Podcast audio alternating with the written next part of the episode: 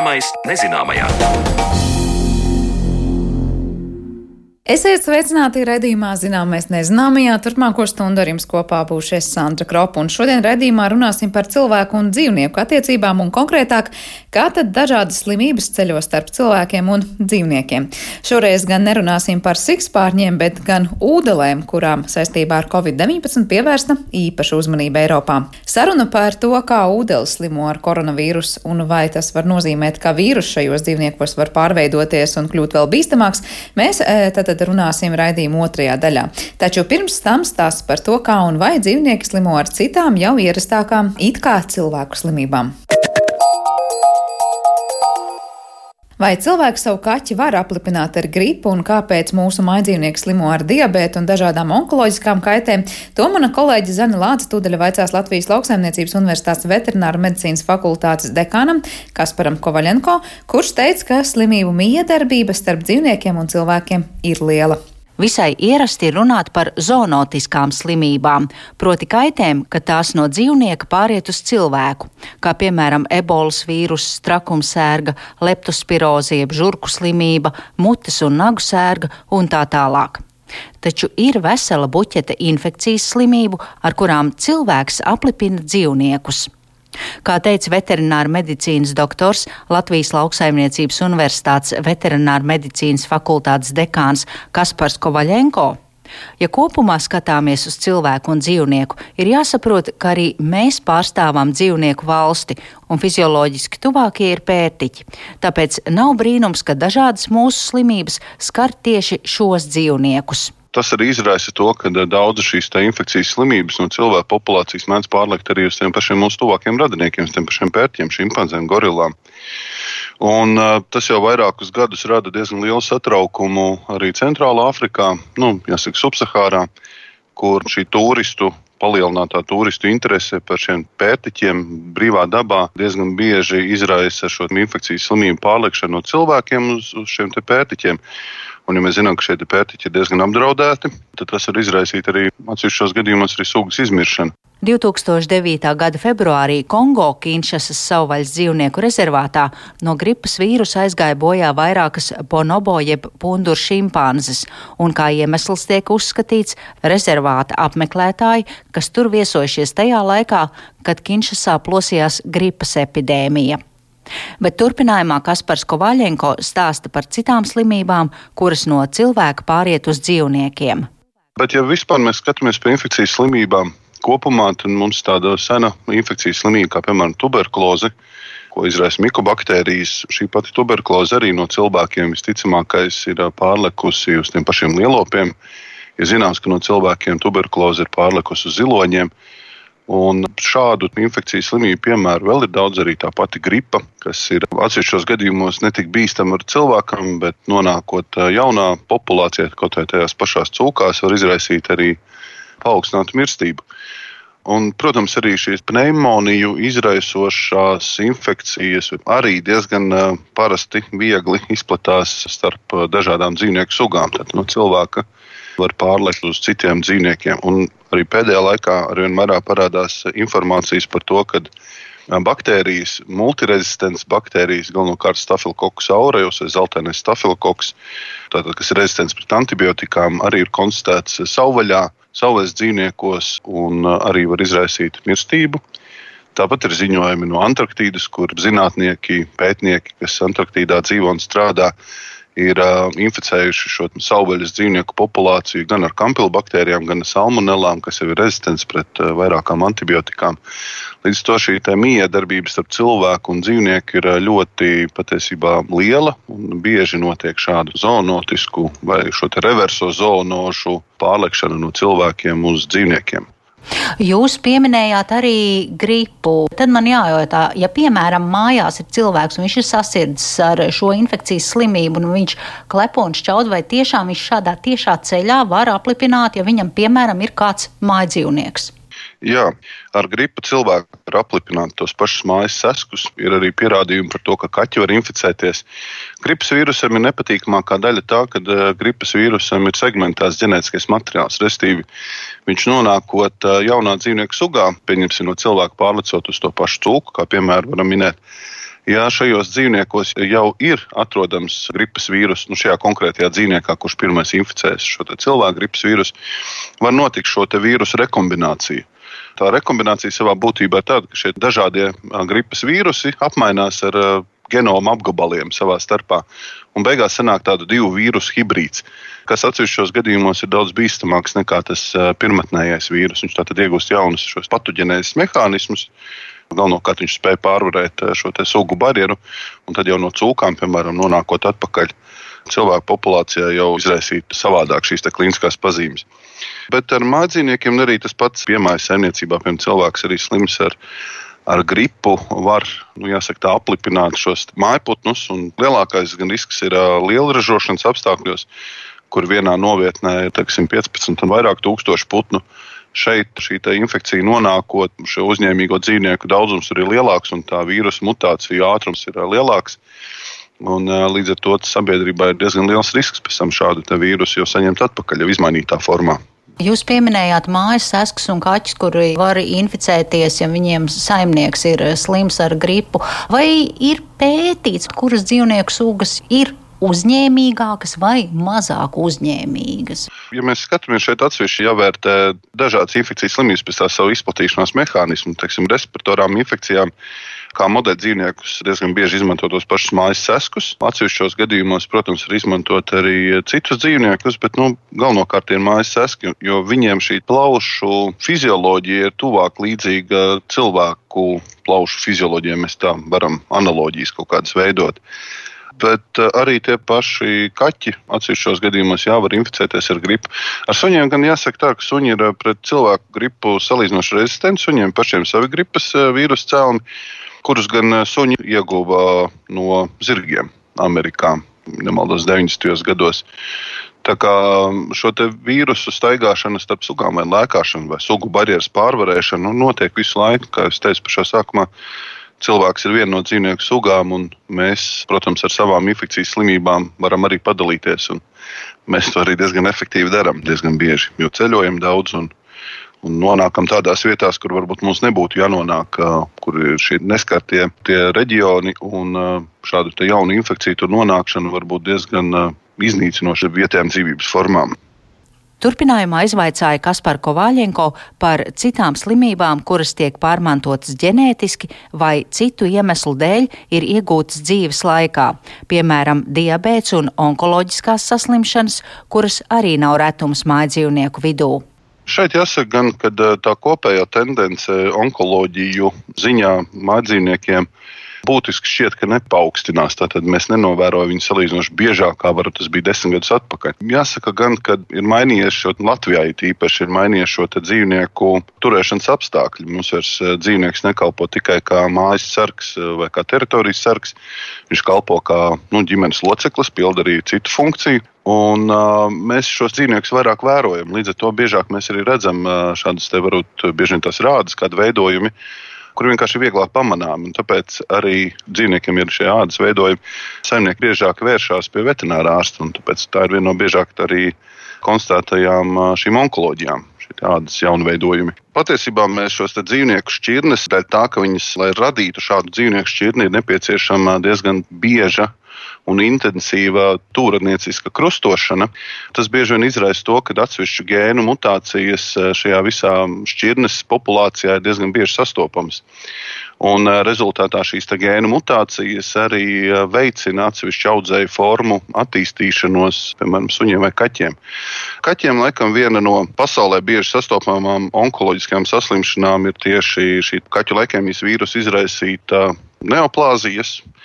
Bet Latvijā arī veiktajos pētījumos esam konstatējuši, ka Latvijā šis kaķu leukēmijas vīrus nav sastopams. Līdz ar to tā varbūtība, ka Latvijā šādu saslimšanu novēro dzīvniekam, protams, ir maza.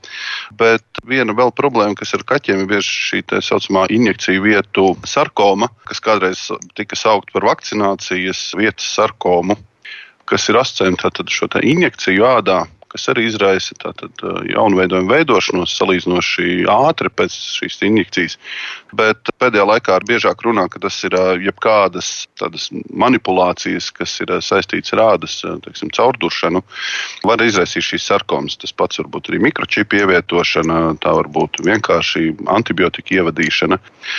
Bet vēl par citām cilvēku slimībām Nu, kā jūs minējāt, cilvēks slimības. Tas patiesībā ir visu dzīvnieku slimības. Vienkārši varbūt mēs 21. gadsimtā arī viņus biežāk redzam dzīvniekiem, jo mēs cenšamies vien vairāk un vairāk rūpēties par saviem mazajiem un šādi ne tik mazajiem draugiem.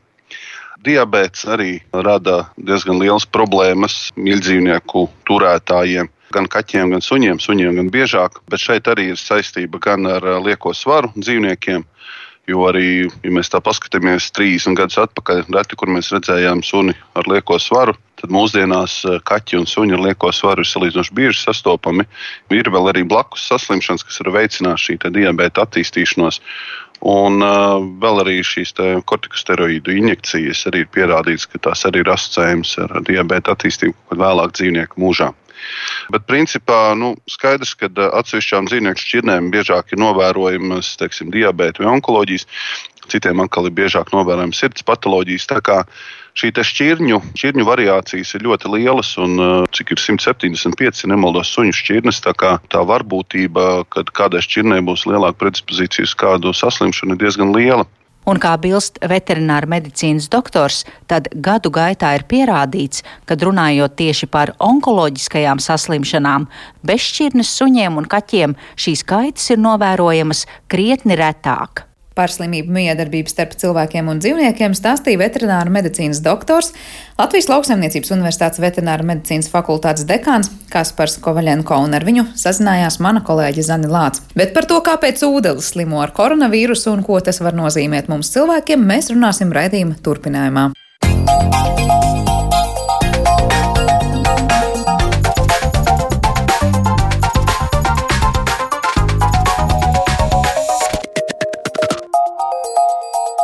Zināmais nezināmajā. Nu jau vairāk Eiropas valstu ūdeņu fermās fiksēta saslimšana ar covid-19. Ļoti liels skaits dzīvnieku tikuši iemidzināti, tā cenšoties ierobežot vīrusu. Par to, kāpēc tieši ūdens ir uzņēmīgs pret šo vīrusu un vai covid-19 organismā var transformēties un atkal atgriezties cilvēku pasaulē, par šiem un citiem jautājumiem parunāsim atlikušajā raidījuma sadaļā, jo esmu savā attālinātajā studijā aicinājusi pārtikas drošības, dzīvnieku veselības un vidas zinātniskā institūta biodirektoru un Latvijas lauksaimniecības universitātes Veterināra medicīnas fakultātes profesoru Aivaru Bērziņu. Labdien! Labdien! Nu, cik es saprotu, bija šādi skaļi gadījumi, kad vairākās citās valstīs uh, ūdeņu fermās tiešām šie dzīvnieki tika uh, nu, likvidēti. Es saprotu, Latvijā pētījumi notiek, bet šobrīd nu, tādas saslimšanas gadījumi nav fiksēti. Vai tie joprojām ir aktuālie dati? Mm, jā, teikšu tā, ka tie ir aktuālai dati. Eh, jāsaka tā, ka ne tikai Latvijā, bet eh, principā visā Eiropā un arī ārpus Eiropas valstīs tiek pievērsta uzmanība atsevišķām dzīvnieku sugām. Ūdens bija faktiski vienas eh, no tām, kurām pievērsa īpašu uzmanību dēļ tā, ka bija pirmie gadījumi, kas bija Nīderlandē saistīti, parādīja to, ka var notikt liela uh, dzīvnieku skaita saslimšana īsā laika periodā un uh, parādīja to, ka savā veidā, vai varbūt pat precīzāk teikt, apstiprināja to, ka liels dzīvnieku blīvums un uh, dzīvnieku specifiski turēšanas apstākļi un varbūt pat atsevišķos gadījumos biodrošības pasākumu neievērošana var novest pie tā, ka var šie dzīvnieki saslimt. Tā kā sanāk vairāk, tur bija tāda arī labturības jautājuma pie vainas. Jā, nu savā veidā tas varbūt es gribētu pateikt tā, ka labturības jautājumi ir svarīgi. Viņi varbūt šajā situācijā bija, varbūt nespēlēja to nozīmīgāko lomu. Nozīmīgāko lomu spēlēja tas, ka cilvēki, kuri ir slimi, kuri potenciāli var šo vīrusu ienest dzīvnieku saimniecībā. Un, protams, tajā brīdī arī neviens īpaši negaidīja to, ka ūdens var lielā skaitā saslimt. Protams, tie pasākumi, kas tika ņemti vērā no Nīderlandes, tika, tika operatīvi fiksēts, tika operatīvi pieņemti attiecīgie mēri un darbības, kas ir saimniecības līmenī un arī no veterināriem dienestiem. Un, protams, ja mēs skatāmies tālāk uz Dānijas situāciju, Dānija bija cits gadījums, kur parādīja to, ka kā šī, šī vīrusam ir, ir spējis arī mutēt lielākā mērā, kā līdz šim bija zināms. Un tajā brīdī Dānijas, nu, kā viņi sauc, jā, valsts saruma institūts, kurā, kur, kuri vada COVID, COVID diagnostiku un arī koordinē pētījums COVID jomā Dānijā, konstatēja to, ka tās mutācijas ir nu, tādas acīm redzamas un to, ka iespējams, ka ir nepieciešama vēl kāda papildus mēra. Un tam visam pa virsmu, protams, nāca tas, ka Ziemeļitlandē, kas ir nu, Dānijā, ja tā varētu teikt, viņi ir ar ļoti, ļoti intensīvu lauksaimniecības sektoru, eh, kurā ir eh, Eiropā zina to, ka Itlanda ir ļoti blīva cūku, cūkopības industrija ir ļoti attīstīta. Tāpat laikā Dānijā ir šajā Itlandē ir, ir, ir milzīgs skaits ūdeļu, ūdeļu kuras tiek audzētas, un, un arī ūdeļu saimniecība. Faktiski tajā reģionā ir trīsreiz vairāk ūdens kā, kā cilvēki. Ko tas tālāk liek domāt? Nu, tajā, pieņemsim, reģionā ir ļoti daudz ūdeņu, tās slimo, vai tās var pārnest to saslimšanu pēc tam atkal uz to cilvēku pasauli, ja tā var teikt? Jā, tas, tas apstiprinājās to, tas arī radīja tās pirmās bažas. Pirmās bažas bija tādas, ka redzēja to, ka konkrētā reģionā saslim vairāk kā 200 cilvēki. Eh, Dānijas eh, pētniecības organizācijas arī aktīvi iesaistījās šī vīrusu sekvenēšanā. Un paldies Dievam, ka mums šodien ir pieejamas šīs metodes, ka mēs varam izsekot eh, un mēģināt saprast šos vīrusu klāsterus vai vīrusu variantus, kuri, kuriem ir vai nu kopīga izcelsme, vai kuriem ir kaut kādas kopīgu mutāciju iezīmes. Tas palīdz ļoti, ļoti palīdz epidemioloģijā. To mēs nevarētu iztēloties. Varbūt tas, kas mums šobrīd, šobrīd ir pieejams, to mēs nevarētu iztēloties pirms 10, 20 desmit gadiem. Tāpēc tas deva arī tādu ļoti papildus uh, nopietnu informāciju uh, gan um, veterināriem dienestiem, gan arī sabiedrības veselības organizācijām pieņemt vēl tādus papildus mērus. Ja? Protams, diskusija par to, cik lielā mērā bija pareizi vai nepareizi, vai, vai visā apjomā dzīvnieku iznīcināšana vai nē, bet veterināra medicīnas sektorā bieži ir pieņemtie lēmumi ar savu veidu piesardzības principu. Varbūt šeit var mazliet pastāstīt cilvēkiem, nu, ko nozīmē, tad, kad sekvenē šo genomu un kā var izsekot, kā tas vīrus tālāk ir attīstījies. Tad paņem uh, par katru zināmu ūdeni vai citiem dzīvniekiem, kas pirms tam ir bijuši saskarē. Kā, kā tas notiek? Faktiski notiek tas pirmais, mums ir pirmais līmenis, ir diagnostika, ka mēs pierādām to. Eh, ir vīrus, kā mēs zinām, ir RNS, DNS vīrus, kur mēs pierādām to klātbūtni. Eh, otra puse, ka mēs arī izmantojot šo diagnostikas nākamos soļus, mēs varam arī uh, raksturot šos vīrusus, un arī sekvenēšanas metodēm mēs faktiski jau raksturojam ar šīm sekvencēm. Mēs viņus jau faktiski tos vīrusus jau klasterējam vai grupējam vai veidojam tādas eh, grupas ar konkrētu vīrusu variantiem. Un eh, Danijā, protams, šis bija viens no, no nu, kurš iegājis jau, jau visos ziņojumos iekšā kā klāsters numur 5 vai 5. klāsters, kurš bija īpašs klāsters ar šīm mutācijām, kurš parādījās no Dānijas ūdelēm. Faktiski tā metodoloģija, ja mēs tā vienkārši runājot, mums tā sekvences parāda ļoti, ļoti detalizētu informāciju. Mēs varam nonākt arī savu veidu jau vīrusu raksturošanā, no kurienes nākuši. Līdz ar to šobrīd eh, tas, kas mums arī Latvijā ir pieejams un ko ļoti daudz mēs darām, principā ļoti liels skaits eh, vīrusu šobrīd tiek sekvenēts, lai mēs saprastu arī epidemioloģiski, no kurienes vīrus ir cēlies, ir, eh, vai ir kaut kāda saistība, ģenētiskā līdzība lielāka vai mazāka ar vienu vai citu dzīvnieku sugu vai ar cilvēku. Un tas šobrīd mūsdienās ir ļoti, ļoti svarīgi, lai mēs saprastu vīrusu un arī savā veidā atsevišķos gadījumos arī baktēriju šo epidemioloģisko raksturojumu par, par izcelsmi, lai mēs varētu sekot līdzi un, un saprast, no kurienes kas nāk. Bet kā sanāk, nu, pieņemsim, tās mutācijas tur ir notikušas tagad, un var teikt, ka tas vīrus ir atkal nu, pietiekoši pamainījies, lai mēs kā cilvēki satrauktos, ka vienā brīdī tas ir iespējams nāks kā, nezinu, kurš jau vilnis, un atkal mums būs grūti saprast, kā to ārstēt un kādas ir pazīmes, vai ja būs jau vakcīna, tad, piemēram, šī vakcīna nestrādās tādam vīrusam, kas jau pēc tam ir šīs mutācijas piedzīvojis. Man, manuprāt, tam, tam, tas satraukums ir varbūt mazliet priekšlaicīgs. Tas, ka mums jāsaprot, ka tās mutācijas notiek un notiek arī citos vīrusos, tas ir fakts. To mēs saprotam. Un uh, otra lieta, kur es gribu akcentēt, kas ir ļoti, ļoti būtiska saistībā ar šīm Danijas arī ūdeņu mutācijām, ne, ne ūdeņu, bet vīrusa, Covid vīrusu mutācijām, ir tas, ka šis raksturojums un patiesībā arī šis ātrais riska novērtējums, kur veids Eiropas slimību profilaks kontrolas centrs, apstiprināja to, ka šobrīd šīm konkrētajām mutācijām ir pirmām kārtām jāņem vērā to, ka ir jābūt ir piesardzīgiem to, ka tādas var notikt. Mums ir jāturpina skatīties, kā tas tālāk var attīstīties.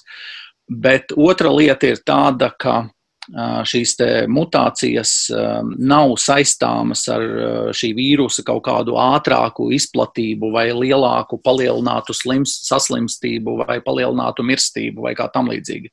Līdz ar to mēs zinām, jā, ka tādas notiek, mums ir jābūt piesardzīgiem, jums, mums ir jāmonitorē, bet nebūtu tas nemaina šī vīrusa tādu izplatības ātrumu, vai milzīgu saslimšanas potenciālu, vai, vai mirstības potenciālu, vai ko tamlīdzīgu. Tā kā tajā ziņā uh, tas parāda to, ka pie šādām šādu slimību uzliesmojumiem un pandēmijām mums ir svarīgi reāla laika sekvenēšanas informācija, molekulārā informācijā, kur var darboties tālāk epidemiologi. Uh, kā nāks, ka šīs ūdens, labi, tas saslimt, tad mēs saprotam, ka var teikt, ka cilvēka un šī gadījumā ūdeņa organismā ir kaut kas nu, tik ļoti vienojošs un identisks, ka šis vīrus, nu, var teikt, tikpat viegli pielīp kā cilvēka tā ūdens organismam. Jā, vīrusam ir, ir protams, ir, vīrusam ir, ir sava struktūra un, un savi struktūras elementi, kas nodrošina šī vīrusa inficēt spēju gan cilvēkā, gan dzīvniekā. Un arī, kas nodrošina šī vīrusu pārnes no viena organisma uz otru. Mums ir ārkārtīgi daudz ir dažādi virulences faktori, vienam vīrusam tie vairāk, otram mazāk, kuri nodrošina šo pārnesi. Un, eh, kā ir dzirdēts, varbūt arī iepriekš, ir pietiekami daudz. Šobrīd ir 20. gadā, ir vairāk mēnešu garumā, ir virkne ar publikācijām iznākuši, kur vēl šo tes, šos te mehānismus apraksta. Ir eh, zināmi šie angiotenzīna konvertējošā enzīma divi receptori, un tad ir tie saucamie eh, Covid vīrusa paša virsmas eh, proteīni, kuri nodrošina šo sasaisti ar šiem AC2 eh, proteīniem. Receptoriem, atvainojos. Un, savukārt, tā ir tā kopīgā iezīme, kad uzņēmīgam organismam ir jābūt pretim tādam mehānismam, kurš faktiski šo vīrusu uzņem. Tātad mums ir gan vīrusa virulents īpašības, jābūt pietiekami patogēnam vīrusam un arī organismam. Tā tad ir orgānu sistēmas un, un, un uh, dažādas vietas, kur, kur attiecīgi ir šie te, uh, uzņēmīgi. Um, Uzņēmīgās sistēmas, orgānu sistēmas, kuras var šo vīrusu uzņemt. Tā jābūt tādai apusējai, apusējai sistēmai. Tā, tie receptori atrodas mums tā kā plaušās, gan mums, gan ūdelēm, vai kur? Ne, ne, ne tikai, jā, gan, gan cilvēkiem, gan dzīvniekiem, un arī atsevišķi citas sugas, kurām šie receptori ir vairākos orgānu, orgānu sistēmās, un, un, protams, tās ir, tās, tas arī parāda to šo vīrusu, ja tā varētu teikt, to daudzveidīgo tropismu, jā, ka viņš ne tikai plaušu audus var, var ietekmēt, bet arī citas asinsvadu sieniņas un, un tam līdzīgi. Līdz ar to tas arī parāda šo vīrusa kā viņi pateikt, angļu valodā tāds vārds trikī, tādu, tādu īpašo uzvedību, ka mums ir jābūt gataviem uz dažādām izpausmēm. Ja? Un pat redzam, cilvēku populācijā ir šīs ļoti, ļoti izteiktās izpausmes atsevišķiem cilvēkiem, kā tās citokīnu vētras un vēl, vēl tam līdzīgas uzvedības, kas šo imūnsistēmu vienkārši, nu, varat vienkāršiem vārdiem pasakot, padara traku un, un, un vienkārši tās reakcijas ir, ir skarbas, bet tas arī ne visiem cilvēkiem. Un dzīvniekiem, ja mēs atgriežamies pie ūdelēm, tad arī mēs redzam to, ka šī transmisijas starp dzīvniekiem ir. Tas, ka ne šīs saslimšanas, varbūt tā milzīga intensitāte, ne mirstība, ne citi parametri šai infekcijai būtiski neatšķirās. Tas ir tas standarts. Arī, arī riska novērtējumā, ko mēs redzam, ir parādīts tas, ka faktiski tas lielākais riska faktors patiesībā ir tie cilvēki, kuri strādā ar ūdelēm. Tas nozīmē to, ka tā ir tāda darba, darba apstākļi, kuru var radīt paaugstinātu risku šai vīrusu pārnesēji. Un otrs faktors, protams, ir šis dzīvnieku blīvums. Ir. Un to mēs atkal dabā redzam vēl un vēl. Jo ir lielāks dzīvnieku blīvums, mums parādās augstāks risks kādai vīrusu attīstīšanai vai pārnesē no dzīvnieku uz dzīvnieku. Bet kā sanāk pašas ūdens saskaroties ar šo vīrusu? Es pareizi saprotu, īsti nemaz tik ļoti traki neslimos vai nu, vismaz nemirs no tā. Cik tā lielākā bīstamība ir, ka tās vienkārši radīs vidi, lai inficētos cilvēks? Vai, vai kā slimo pašas ūdens ar covid-19? Udelēm tāpatās parādās arī respirators, respirators pazīmes. Arī var būt, ja jums ir liels ūdeņu ganāmpulks, ir kur tūkstošiem ūdeņu, ir kaut kāds neliels procents, kas var būt mirstība. Tā mirstība nav tāda, ka tur kristu, es nezinu, puse dzīvnieku vai kā tam līdzīgi. Tas ir kāds procents. Pie citām infekcijām arī mums jārēķinās, ka ir kaut kāds procents kritušo, mirušo ūdeņu. Otrs, protams, ko es jau pieminēju, ir respiratorās simptomi, bet pats pats būtiskākais būtiskākais ir, eh, par ko lielākās bažas ir par to, lai šī konkrētā dzīvnieku suga vai arī jebkura cita suga nekļūtu par šīs infekcijas tādu persistentu rezervuāru. Tas tas tas lielākās bažas. Un tad mēs atkal atgriežamies pie tā paša, ko cilvēki bieži aizmirst, to, to vienas veselības konceptu. Mēs dzīvojam vienā ekosistēmā, Un tā slodze, kas ir piemēram uz dzīvnieku populāciju, uz cilvēku populāciju no viena vai otra vīrusa, nu, faktiski rada tos var radīt kaut kādu veidu tādus apstākļus, kas var veicināt vienu vai otru vīrusu ātrāku izplatību. Un, un, un tāpēc atkal šis ir manā skatījumā cilvēcei tāds vēl viens izaicinājums. Un arī šobrīd sabiedrības veselības institūcijām, veterināru medicīnas institūcijām ir vēl viens treniņš vai izmēģinājums, kā mēs strādājam kopā. Eh, riska novērtēšanas jomā, tas arī šajā slimību profilaks kontrolas centra ātrās riska novērtēšanas ziņojuma sadaļā vienā bija arī ietverts šī, ka jātīst ir vienas veselības gatavības, vai, vai kā viņi pateikt, gatavības un, un, un atbildes eh, stratēģijai jābūt skaidrai. Un tā atbildes stratēģija var būt skaidra, ja mums ir skaidrs sadarbības princips starp šīm nozarēm. Jo infekcijas mūsdienās, kā mēs te bieži minām, ir divas trešdaļas, trīs ceturdaļas. Tā ir lielākā proporcija tas, kas mums cilvēkiem, dzīvniekiem kopīgs. Un vēl viena būtiska lieta, ko mēs aizmirstam, un kas šodien tas ūdeņu stāsts parāda vēlreiz, ka mums ir tā saucamās reversās zonozes, respektīvi, ka ir virkne ar zonozēm cilvēkiem, dzīvniekiem kopīgas slimības, kuras tiek pārnestas no dzīvniekiem uz cilvēku. Bet mēs nedrīkstam aizmirst to, ka cilvēks var pārnest infekcijas uz dzīvniekiem. Dzīv, cilvēku nevar padarīt par svētāku vai īpašāku, kurš būtu, nu, ka visa vaina ir dzīvnieku pusē. Vai mēs faktiski nevienu nevainojam, bet mēs zinām to, ka viena vai otra uzvedība var veicināt um, vienas vai otras uh, slimības izplatību. Jā, sākām ar sikspārnu vainošanu, tagad līdz ūdeņiem esam tikuši. Bet, ja nopietni runājam, uz kuriem dzīvniekiem vēl īpaši būtu jāskatās, nu, kur varētu būt liels risks, ka slimo līdzīgi tāpat kā cilvēki un var pēc tam inficēt arī cilvēkus? Jā, te es gribētu pieminēt to, ka ir, ir notikuši tādi divu, divu virzienu pētījumi. Viens ir Ķīna, sāka vēl bija citas valsts, kuras veids eksperimentāls pētījums ar dzīvu vīrusu. Tas ir atsevišķas laboratorijas pasaulē, nu, kuras, kuras ar to ir darbojušās un eksperimentāli ir parādījuši, jā, ka var inficēt arī citus, arī kaķus, un seskus, un kāmjus, un trušus un, un, un citus dzīvniekus, kuriem ir attiecīgi šādi receptori, kur vīrus attiecīgi, ja viņi ekspozīcija uz gļotādām ir, tad var inficēt šīs dzīvnieku sugas. Bet tāpat laikā ir arī Eh, kas ir parādījies, ka arī dabiski tās pašas ūdeles, kur mēs redzam, jā, ka tās var inficēties, eh, un tie atsevišķie gadījumi ir tie tikai tādi signāli, kur mēs te pieminējām te arī kaķus, eh, un, un, un te bija tīģeri un kaķi un, un, un, un tam līdzīgi citas sugas, kuras ir dabiski inficējušās. Atkal tas sanāk savā veidā kaut kādu vīrusu ekspozīciju, vīrusu transmisiju no cilvēku uz šo dzīvnieku. Tas nozīmē, to, ka ir ciešā kontaktā ir šie dzīvnieki bijusi. Šobrīd arī mājdzīvnieki, kas ir suņi, kaķi, mēs runājam vairāk par tādu tehnisku vektoru, kas vīrusu pārnesē darbojās. Lai gan ir atsevišķi gadījumi parādījuši, jā, ka arī e, kaķis var inficēt ar šo vīrusu. Bet kā tad sanāk, nu, piemēram, ja mums ir mājās kaķi vai suņi, nu, ja mēs jau runājam par kaķiem, tad mēs kā saimnieki varam atnest šiem dzīvniekiem savās mājās šobrīd eh, vīrusu staigājot pa pilsētas ielām?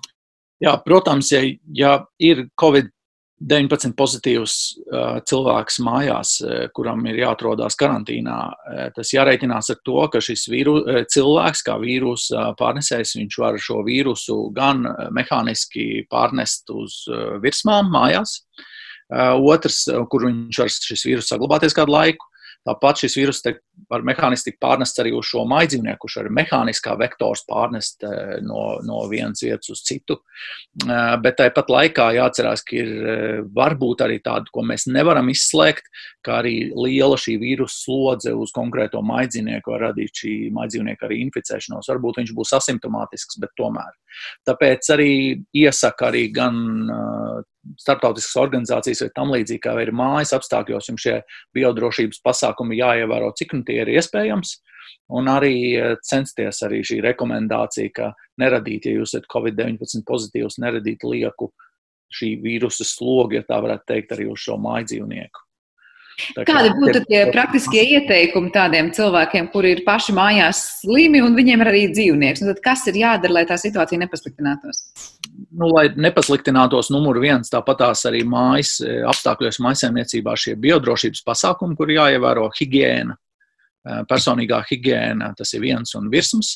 Un otrām kārtām tomēr e, censties izvairīties varbūt šajā sākuma, infekcijas sākumā, tā pirmā nedēļa no nevajadzīgiem kontaktiem. Ja šo dzīvnieku var aprūpēt, cits ģimenes loceklis ir labi. Ja nevar, tad censties pabaro šo dzīvnieku, bet lieki, nu, ka tu vienkārši pateikt bez maskas vai kādu nebučot, vai, kā es saku, nebūt ciešā kontaktā ar šo dzīvnieku pārāk ilgstoši, kas var nu, radīt kā vienu nu, potenciālu, es varētu teikt, ir rezervāru tālākai šī vīrusu varbūt uzturēšanā mājsaimniecībā, kas nebūtu. Pēc tam, piemēram, ja cilvēks ir izārstējies, cik ilgi var teikt viņa mājās tas vīrus līdz ar to ar visu dzīvnieku var uzturēties? Vai, vai varbūt tā, ka cilvēks jau ir izārstējies un tad viņš ir savās mājās, kur joprojām kāds viņam uztur šo vidi? Nu, ir tie pētījumi ir dažādi. Ja mēs skatāmies, tās virsmas ir dažādas, un arī vīrusu uzvedība uz dažādām virsmām ir dažāda. Un, un, protams, tas laiks tās ir kaut kādas dienas, varbūt līdz pat pāris nedēļām, ka vīrus var saglabāties uz virsmām. Bet es domāju, ka elementāra higiēna, kas varētu, protams, to slogu mazināt, tas ir viens. Un otrs, nu jā, nu, mājas dzīvnieks tā ir viena liela jautājuma zīme, cik ilgstošs un tāds permanents kontakts ir ar šo inficēto cilvēku ir bijis. Bet arī censties nu, minimizēt eh, šo kontaktu un to nedēļu paciesties, cik vien iespējams ir. Jo, jo tas, kā jau saku, tas ir viens no biodrošības elementiem, kur mēs varam paši ar savu uzvedību nodrošināt. Eh, atgriežoties šobrīd pie ūdeņu fermām, eh, mans nu, jau pamazām noslēdzošais jautājums ir, kā notiek tā pati pētīšana Latvijā? Es saprotu, ka te ir tā reize, kad lietā liekat notekūdeņu testus, par ko jau mēs iepriekšējos raidījumos esam runājuši, un saprotat, pēc notekūdeņiem ir vai nav konkrētā fermā slims ūdens. Jā, to es gribētu teikt, ka valstīs, eh, kurās eh, šobrīd nav pazīmju, tad sākšu ar to, ka arī valstīs, kurās eh, ūdeņu saimniecības tiek, tām tiek sekots ļoti rūpīgi līdzi. Un veterinārā uzraudzība notiek visās šajās novietnēs, un tam seko līdzi un nevajadzīgi, nu, nepamatoti tādi aktivitātes šajās saimniecībās nav nepieciešams, ja mums nav pazīmju. Un šobrīd tas, ko mēs esam mēģinājuši līdz šim darīt, arī līdzīgi kā pilsētās notekūdeņu sistēmās, monitorējot Covid-19 vīrusu klātbūtni pašvaldībās, kā notiek, kas ir parādījis kā pietiekami labi efektīvu metodu. Mēs arī esam mēģinājuši arī ūdeļu novietnēm šo izmantot. Šobrīd, uz šobrīd Latvijā mums nav atrasts neviens pozitīvs paraugs. Tas nozīmē, to, ka jā, mēs, mēs esam pārliecinājuši to, ka šo metodi var izmantot. Tā ir tā labā ziņa. Manuprāt, tā ir arī sava veida ļoti jauna pieeja arī dzīvnieku novietņu monitoringam, uzraudzības sistēmā, ko nākotnē varētu izmantot. Protams, joprojām mums ir jā, jāturpina strādāt arī pie šī metožu attīstīšanas. Oficiāli, protams, ka ir jānodrošinās tā, ka tās ir pietiekami pietiekam uzticamas metodas. Un šis arī valsts pētījuma programmas ietvaros, manuprāt, arī šī pieeja, ko mēs arī mēģinājām operatīvi izmantot arī pie ūdeņu novietnēm, manuprāt, strādā un strādās labi, kuru varēs arī nākotnē izmantot veterinārie dienesti citu arī slimību monitoringā. Bet kā jūs pārliecināties, ka tiešām nav tā iespējamā situācija, ka vienkārši neparādās notekūdeņos šīs pazīmes? Jūs arī testējāt kaut kādās noteiktās situācijās ūdenes? Šobrīd nē, mums tā pieeja, protams, ja būs parādīsies kāds lielāks skaits kritušo ūdeņu vai būs kritušās ūdeles, kuras nonāk tālāk ir attiecīgi sekcijā vai tālākai izpētēji, tad mēs to darīsim noteikti. Šobrīd tādu pazīmi indikācija, ka papildus tas nav nepieciešams, bet tam mēs ļoti rūpīgi sekojam. Arī pārtiks veterinārais dienests dien dienā ļoti rūpīgi seko to, kas notiek kaimiņu valstīs, kas notiek Latvijā. Faktiski viss ūdeņu novietnes ir ļoti, ļoti ļoti rūpīgi tiek uzraudzīts, un, un tik līdz būs signāli, tad mēs arī padziļināti iesim jau dzīvnieku līmenī vai arī kritušo dzīvnieku līmenī, ar skatoties gan patoloģiju, gan arī vīrusu klātbūtni. Eh, un kā ar citām dzīvnieku audzētavām vai novietnēm, ne tikai par ūdelēm runājām, tad vai jau ir kaut kādi konkrēti gadījumi, kur izmantojat šo metodi, lai saprastu, nu, kas notiek kaut kādā kažoks vai audzētavās? Mm -hmm. uh, Jūs domājat, citas? Citās kažokas audzētavās, jā. Jā, citās kažokas var audzētājos jāsaka tā, ka mēs esam vieni no pirmajiem, kas to mēģina izmantot attiecībā uz notekūdeņu sistēmām. Līdz šim, protams, kas ir, kā jau iepriekš minēju, numur viens ir Eh, klasiskā veterinārā uzraudzība, ja mēs varam teikt, eh, ir, ir tās pasīvās, aktīvās uzraudzības sistēmas, jebkurā gadījumā ir jābūt pirmajiem signāliem. Un eh, tad parasti šo algoritmu izstrādā, kurā saimniecībā, cik daudz dzīvnieku un pie kādiem apstākļiem, kādi ir šie iekļaujošie kriteriji, izslēdzošie kriteriji, ka mēs ņemam paraugus. Šobrīd, ņemot vērā epidemioloģisko situāciju valstī, arī ir jāņem tas vēl visam par virsu un ir jānodrošinās faktiski, ka šobrīd ir lielākā daļa ir cilvēks, ir tas faktors, kurš var apdraudēt ūdens, nevis otrādi. Līdz ar to arī pie šīs sistēmas, protams, ka darbības notiek, veterinārā uzraudzība notiek, bet mums ir jābūt, jāatcerās par, jāpaturprātā esošā situācija un tam līdzīgi. Bet tas eventuāli varētu tikt izmantots, piemēram, kaut vai cūku fermās, lai skatītos, vai cilvēks neatnes tām pašām cūkām kaut ko, vai savukārt tur nenotiek inficēšanās. Jā, nu, redziet, Āfrikas cūku mērs tas ir klasiski parādījis to, ka savukārt tā ir klasiska cūku dzimtas infekcijas slimība, ļoti, ļoti bīstama, kur cilvēks vienkārši kalpo un ir visā pasaulē kalpojis par vektoru, ka šo infekciju pārnes lielākā mērā. Un tas atkal parāda, vai atgriežamies pie tā paša elementārākā biodrošība. Ja mēs katrs dzīvnieku turētājs, eh, jebkurā novietnē, zemnieku saimniecībā padomātu par elementārām, vienalga vai tā ir maza vai liela saimniecība, bet padomātu par elementārām biodrošības prasībām, tad mēs jau ļoti būtiski progresētu daudzos jautājumos. Padomāt dzīvnieku blīvums, dzīvnieku labturība, dzīvnieku veselība, monitorings, uzraudzība un visam pa virsmu biodrošība, šis aizsargs vai, vai es nezinu, kā to pateikt, lietu sargs vai kā, kas pasargātu un stipri mazinātu šīs problēmas pasaulē.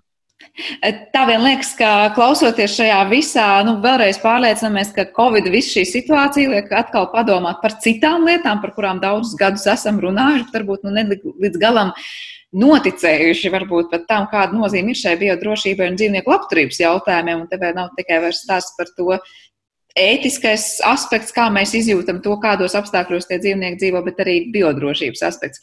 Nu, ko es tiešām ļoti ceru, ka nekādās turpmākajās analīzēs neparādīsies jauni dati par to, ka Latvijā varētu būt kādas saslimšanas šiem dzīvniekiem. Es tiešām ceru uz labām ziņām arī nākotnē. Teikšu paldies par šo sarunu.